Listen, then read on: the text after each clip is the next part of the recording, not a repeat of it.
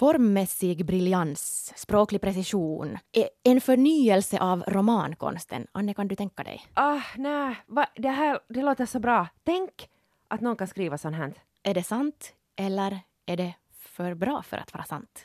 Du, du, du. Det här är Bokpodden Hietanen och Henriksson. Vi heter Ida Henriksson och Anne Hietanen.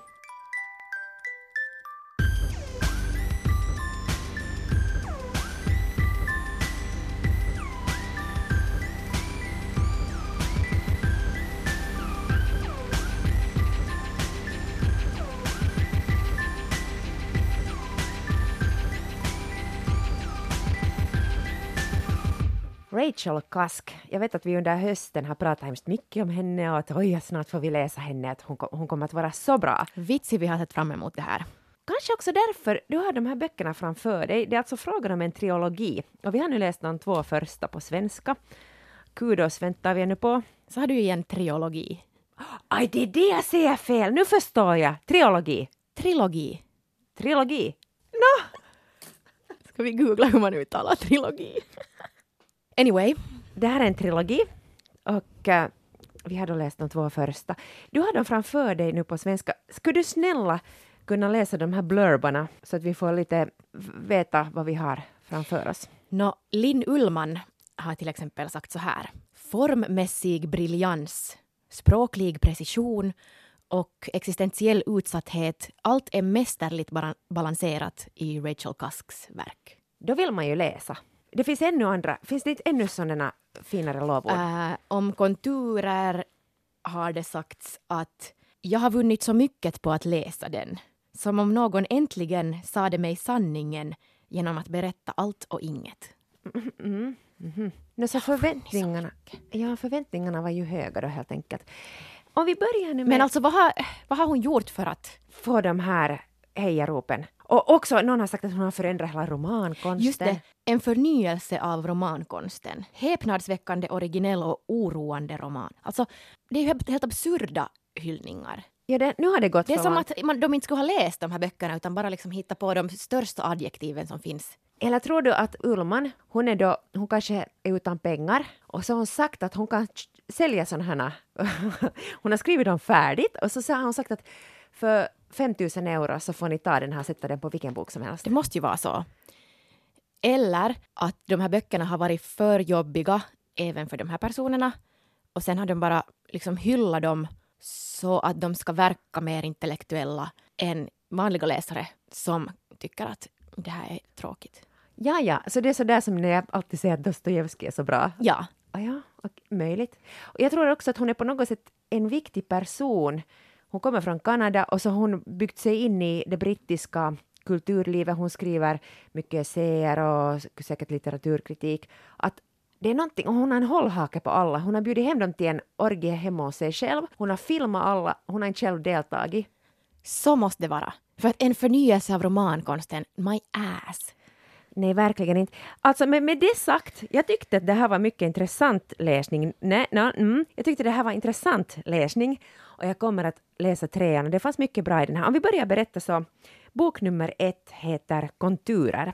Och då handlar det om Faye, en medelålders kvinna som reser till Aten mitt på sommaren. Det är väldigt hett och hon ska ha en kurs i kreativt skrivande, om jag förstod saken rätt, för greker. Och hon är lite sådär fundersam på språket. Hur ska det gå när de har ju grekiska som modersmål och de ska nu skriva på engelska? Och uh, hon sätter sig i planet och bredvid henne så sitter en liten, liten skintor hökaktig gubbe.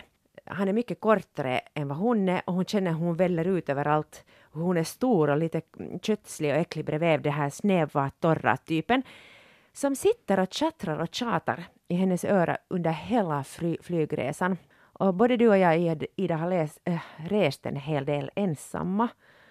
Eller hur? Mm. Och, och det är nog hemskt sällan man får resa i- fred om man inte har starka motåtgärder. Och jag vet inte hur många sådana här hökgubbar jag har suttit bredvid och hört deras trista, tragiska tråkmånshistorier. Så jag blev lite sådär att nej, men man ska ännu läsa om det här då, när hon sitter och, och han häller bara skräp in i hennes öra och hon blir som hans äh, sopnedkast helt enkelt. Så det var lite avtändande början. Alltså, det där var en klockren analys. Och största delen av de människor man har träffat på sina resor har ändå haft något lite mer intressant att komma med än den här personen. Och det värsta är att det bara kommer fler och fler. Och det här fortsätter genom hela romanen. Och del två, spoiler. Alltså, det går bara ut på att hon träffar människor som berättar saker för henne. Som berättar sina livshistorier. Som är jättevardagliga. Faktiskt, alltså det slogs mig, jag slogs av det att hur bleka personer hon träffas. Och det faktum är att hon verkligen, om vi talade tidigare här om, en, om Picaresque-romanen och hur hjälten reser runt i olika samhällsklasser och kan ta sig in överallt. Så den här huvudpersonen är sådär färglös och ointressant och då drar hon också till sig sådana färglösa ointressanta personer från mest samma samhällsklass. Nå jo, den här, det kommer snabbt fram för att han vill genast berätta att han kommer från en sån här redar, rik redarfamilj. Men mm, det är alltså medelklass, övre medelklass som hon träffar. Mycket ointressant. Jag funderar faktiskt på det här, eh, den här pikaresken som jag lärde mig i förra avsnittet. Um, och, och, när vi talade om Vernon Subutex och hur spännande ändå hans liv och hans resor var. Fast jag lite dissade den också då, men nu börjar jag sakna Vernon helt jättemycket. För att det var ju ändå fullt av äh, intriger och allt möjligt spännande. Och, och här är det liksom bara det där gråa vardagslunket och, men, men alltså, jättemånga av recensionerna lyfter upp hur den här, då alltså del 1 i trilogin, Konturer, är en så fin bild av eurokrisen och ett Europa i gungning och ett Europa som knakar i fogarna och, och liksom den här associationen. Och jag tänker bara att det är ju nog en ganska stor övertolkning.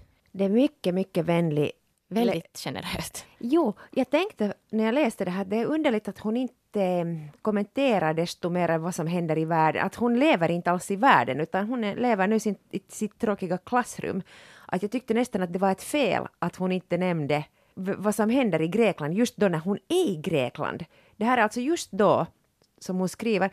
Och, och det kan man ju göra, men när hon är en människa som annars tolkar omgivningen och det som händer så vill hon inte ta in det här. Och då har kritikerna varit så snälla att de ser det som en styrka att hon inte gör det, man ser det som metaforer, allt som sägs och kan tolkas.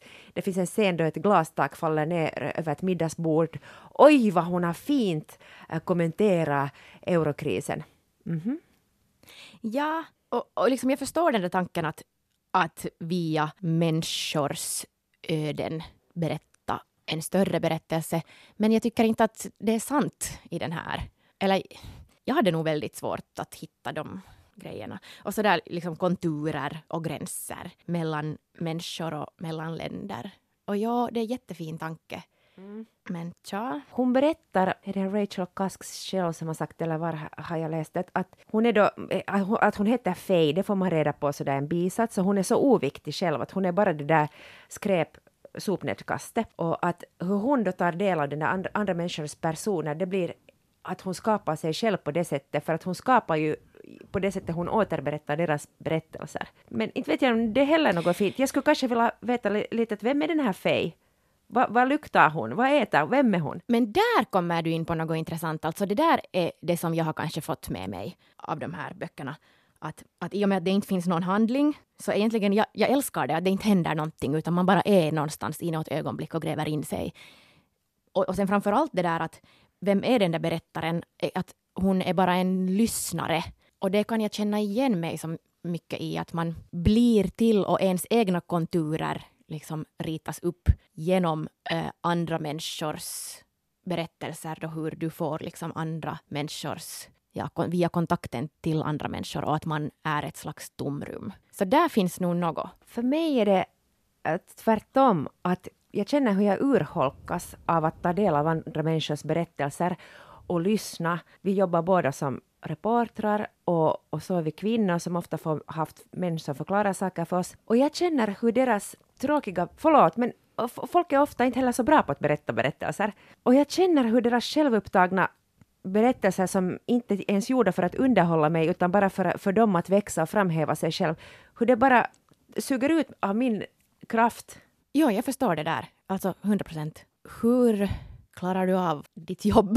Blir man inte lite, man känner sig som, om du är en bra journalist så är du ju en sån här blod, uh, en parasit som suger åt historien och kanske lite struntar i hur den där berättelsen är alltid, det är till och med viktigare än den där människan som berättar det. Eller sen är du en medkännande journalist och, och då blir det en balansgång mellan att bevara den där personens integritet och att ge den där historien som den vill berätta, fast den kanske inte är helt sann. Alltså som journalist, så du, eller som en medmänniska, så ser du ju ofta när en person berättar något, så ser du på kroppsspråk och vad den lämnar bort, att vad, du anar vad är den riktiga historien. Nå, så är du finkänslig och kanske lämnar bort det. Nu är jag inne i ett resonemang som jag inte kan komma bort ifrån. Vad frågar du? Ja, jag vill inte svara på din fråga.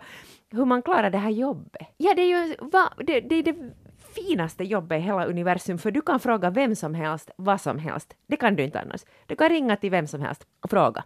Och den svarar oftast. Men, men kanske så här för att jag inte själv får ut något kreativt, för att jag inte har något att berätta, så känner jag mig som att, att deras story tar över alla jag intervjuar. Jag, det blir hemskt tungt. Det går, jag går och bär ja, Du bär med dig alla jo. du har intervjuat. Jo, ja, det blir tungt. Det blir jättetungt. Det där är jätteintressant. För jag har igen ofta tänkt att att det är ganska skönt att jag inte behöver ha en åsikt i en del frågor som jag handskas med professionellt eftersom jag kan förmedla andra människors åsikter och då kan man vara ett slags neutrum och ett tomrum. Och jag har tyckt att det är ganska skönt på många sätt. Och, och liksom jag älskar att berätta eller att höra eh, fiffiga människors... Ofta kan man ju välja vem man vill intervjua. Liksom att eh, människor som verkligen är, brinner för någonting och höra dem prata om det. Mm, och då behöver man inte själv brinna för den där saken, men man kan brinna för det där, den där berättelsen. Men det kan också bli, ja, det är en sån balans, att den där tomrummet sen fylls, just som du sa, av andra människors åsikter och intryck. Och då, ja, ja det, det där har jag aldrig fått fasta på tidigare, att då urholkas lite också av en själv men ännu mer än, än det som man då utövar i yrke, för du har rätt att vi får ju prata med ofta väldigt spännande människor som på riktigt har någonting att berätta. Men just hur många flygresor har man inte rest? Nu lät vi miljöovänliga igen. Så många tågresor som vi ändå har haft och så, så hur många berättelser man har fått fast man inte vill dem. Sen så sen så är jag, jag är en sån som tycker om att berätta vidare. Jag gör ganska mycket av mitt liv till små anekdoter, för att det är så tråkigt när det händer. Så tänker jag alltid att Nåja, den här gubben sitter här nu och tjattrar i mitt öra och så tänker jag alltid hur det här ska bli en liten anekdot och så tar jag, memorerar jag vissa saker och överdriver dem i mitt huvud tills jag vet att jag kommer att få det här en rolig historia som jag kommer att kunna berätta senare ikväll för någon. Och jag tänker också att den här Rachel Cusk, fast hon är så färglös och smaklös som den här Faye i romanen, så jag märkte att alla hon har pratat med, de filosoferar på lite liknande sätt, använder lite liknande ord. Så då kommer hon ju fram nog faktiskt som den där berättaren. Att jag funderar vid något skede att det är intressant att den här byggarbetaren från Polen ändå har en liknande vokabulär som den här rika rederisonen, redarsonen. Uh, och så är det ju när man berättar historier. Ja, jag tänkte faktiskt på dig och jag var jättestressad för jag trodde att du skulle älska de här böckerna och därför tvingade jag mig igenom dem. Jag är jättelättad att du också hade svårt med dem. Men jag tänkte jättemycket på dig för att du är just expert på att berätta och återberätta saker så att de blir tusen gånger... Fast jag har varit med i den där situationen där det har hänt, så sen när jag hör dig berätta om det för någon annan så blir allt mycket bättre. Jo, men inte heller sant. Att du märker att, men, att okej, okay, Anne har nu varit i Ja, men är, har det någon betydelse? Jaha, att huvudsa mm. huvudsak, liksom, en bra story är väl en bra story oberoende om liksom, procenten av sanningshalt. Jag älskar bra story, men jag vet och, och att jag skulle aldrig kunna jobba på nyheterna eller på en, en samhällsredaktion, för att i vissa fall så, så måste det ju vara sanningen. Och inte hittar jag nu heller på om jag intervjuar en riktig person, men i mitt privatliv så vet folk att det var Anne säger, ja, hmm, kan vara lite ditåt, kanske hon har varit där, men that's it. Det kanske Rachel Kask skulle kunna lite öva på, att vad man lämnar bort och vad man lyfter upp. Och nu berättar hon allt, nog med sin egen röst, men på ett tråkigt sätt. Och hon är inte heller modig. Alltså, det, det är ingenting spännande. Hon ser inte saker på nytt sätt. Hon bara som en bandspelare åter... Alltså, okej, okay, det är ju fint att hon har hittat på det här, att göra det. No, hon har inte hittat på det, men det är ju fint att hon gör det. Jag tycker att det eh, känns lite sådär som lättja. Okej, hon har kanske hittat på de här människorna, och, mm, men kunde man inte välja något annat, något spännande? Kunde hon inte ha gått ut i Atens natt till något farligt område och det där kanske utsätta sig lite för spänning? I och för sig så får jag ibland, och jag tycker inte om det heller, så får jag ibland en känsla av att hon utnyttjar människor och gör saker för att kunna skriva om dem. Att hon ställer frågor som hon inte skulle göra annars om hon inte skulle kunna utnyttja det i sin text. Jag tänkte igen att det är hon som blir utnyttjad. Att, att hon, den här huvudpersonen målas upp liksom just i det här tomrummet och att de som pratar liksom på henne bara att det blir ett slags pågående övergrepp eftersom det är så oklart vem hon är och att hon bara existerar via sina berättelser om de här andra människornas liv och att det blev jättesorgligt. uh, eh, sorgligt. Jag, jag, liksom, jag blev ganska ledsen av de här böckerna. Jag också. Och jag håller med om det vad du sa till 100 procent. Jag tänkte bara det att, att sen när hon skriver det och, och fiktionaliserar det, Ja. så, så då hämnas hon tillbaks. Mm. Ja, ja, ja, okej, sant. Och då utnyttjar hon deras storyn, tänker jag. Till exempel, Just det, det blir en sån här spiral av... det finns en, en scen, utan att nu avslöja för mycket, så finns det en scen där hon följer med en man på en båt. Uh, och man, det är helt klart att hon tänker inte pussas med honom. Och jag förstår inte varför hon åker med den här människan. Alltså, och jag, och det måste ju bara vara för att få den här historien. Men är det nu då Rachel Cusk uh, som har gjort det här, jag tror det, att hon har gjort det och sen fiktionaliserade vad hon har varit med om. Eller är det då Faye i den här boken? Alltså, du, jag skulle inte kunna bry mig mindre. Förlåt! det är så tråkigt. Jag kan ännu snabbt bara säga om den här del två som heter Transit. Det är i princip samma sak. Det bara fortsätter och fortsätter. Olika människor som berättar tråkiga anekdoter ur sitt liv. Här har hon då, hon har skilt sig redan i första boken, men här flyttar hon då från deras hus på landet tillbaka till London med sina två söner och hon köper ett hus som är jätt, i dåligt skick men på ett fint område. Och, och så ska hon börja liksom fixa upp det här huset och sen träffar hon nu sina äckliga grannar och andra tråkiga människor. That's it ungefär. Det kommer att komma ännu en tredje bok som heter Kudos. Jag måste, det, det, det, det tyckte jag var positivt att de där grannarna var så äckliga i den där boken. Det, det var, jag, jag tänkte använda ordet fräscht, men de var otroligt ofräscha. Och de beskrevs faktiskt nästan med lite humor, vilket jag tycker att hon annars saknar ganska mycket. Men här kom det in en viss humor och också det att, att de, luktar, de gör mat som luktar något så förfärligt illa att jag kände lukten av det när jag låg hemma och läste. Och det var, det var ganska bra beskrivet. Jag tycker faktiskt att det var det bästa, den där lukten. Och tänk så vad det säger om en att man är så, att det är så viktigt i vilket område du bor, att du utsätter dig själv och dina barn för att bo i ett sådär äckligt, sunkigt, snuskigt råtthål där det ännu liksom kontinuerligt luktar superilla bara för att tillhöra en viss liksom, samhälls... eller till synes åtminstone få tillträde till ett visst rum. Ja, det var inte någon vidare charmigt av den här Faye faktiskt. Man hade ju hoppats att hon skulle ha valt annorlunda. Uh, det är inte mycket som får en att tycka om den där Faye egentligen. Jag tycker inte ens att hon är hemskt bra på Okej, nu, nu är vi så kritiska, men vet ni vad? Det är därför för att de här hyllningarna var så stora. Det, det, om det skulle... Ja, förväntningarna var så höga. Ja, om, om vi skulle ha hört att det här är en vidrig bok så skulle vi ha älskat den kanske. Mm. Om vi skulle fått vara de som hittade den och, och märkte att det här är verkligen härligt. Men, men... men det är ju också därför den här podden finns. Att nu om, om ni liksom inte har kanske jättemycket tid att läsa eller liksom vill lite sådär välja att vad man sätter sin tid på, så kan, kan man med fördel skippa dem. Alltså, det kan vara helt allmänbildande och intressant att läsa dem för att delta i liksom, den kulturella diskursen. Mm. Men också det här som man har fått höra nu hittills, eh, till exempel i den här podden, tycker jag att räcker helt bra för att kunna diskutera om de här. För det liksom är inte desto mer. Sant. Och sen, sen, är det också så att om man kanske själv känner att man är en lite tråkig person, så kanske man tycker om det här. Och, ah, du tänker så. Ja. Förresten, känner du någon Ida som själv tycker att den är tråkig?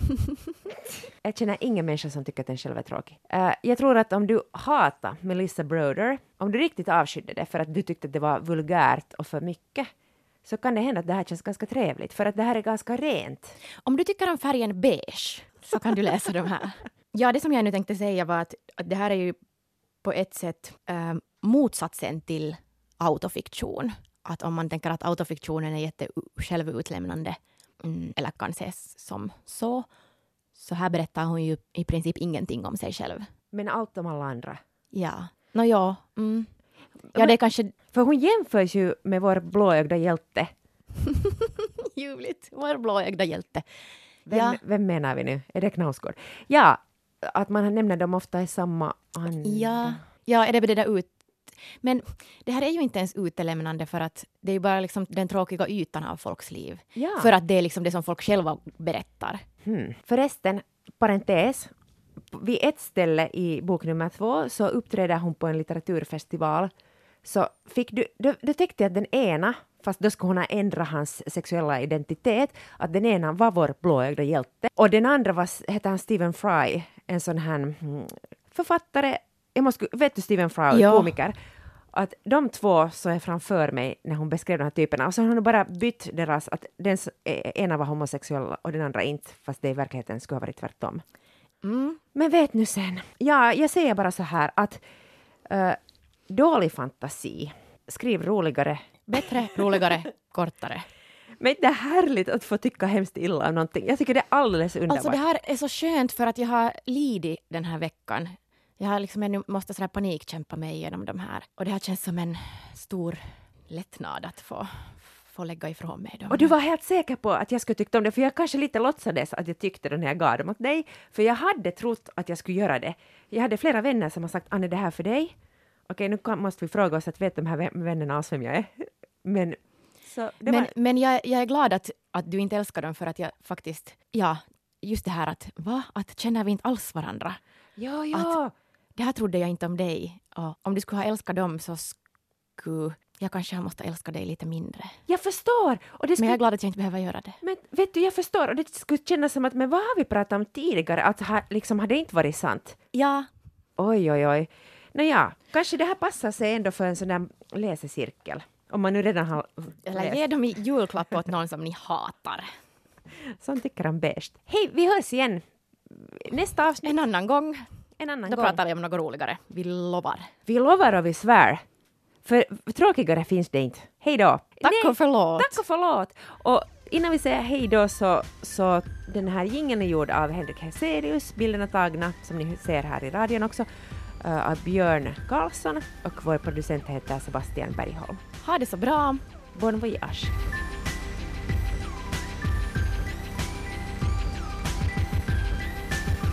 När ni åker flyg nästa gång och någon börjar tjattra om sin tråkiga historier, så då ska ni ta fram några bilder på underlivet och, och börja berätta om något riktigt obehagligt. Alltså jag har blivit expert på det där att jag är så ovänlig mot människor som försöker komma och prata med mig i det offentliga rummet. Jag bara säger genast nej, gå bort. Jag är inte intresserad. Nej, inte säger du så. Vad säger du? Jag kommer nu på "Huh, Is this shit free? No. Nej, men det är han som hade på sin... Hello, oh we are neighbors. Vad säger du då? I'm sorry, I'm busy. Ja, och jag har också nästan alltid hörlurar på. Oftast hör jag inte på något.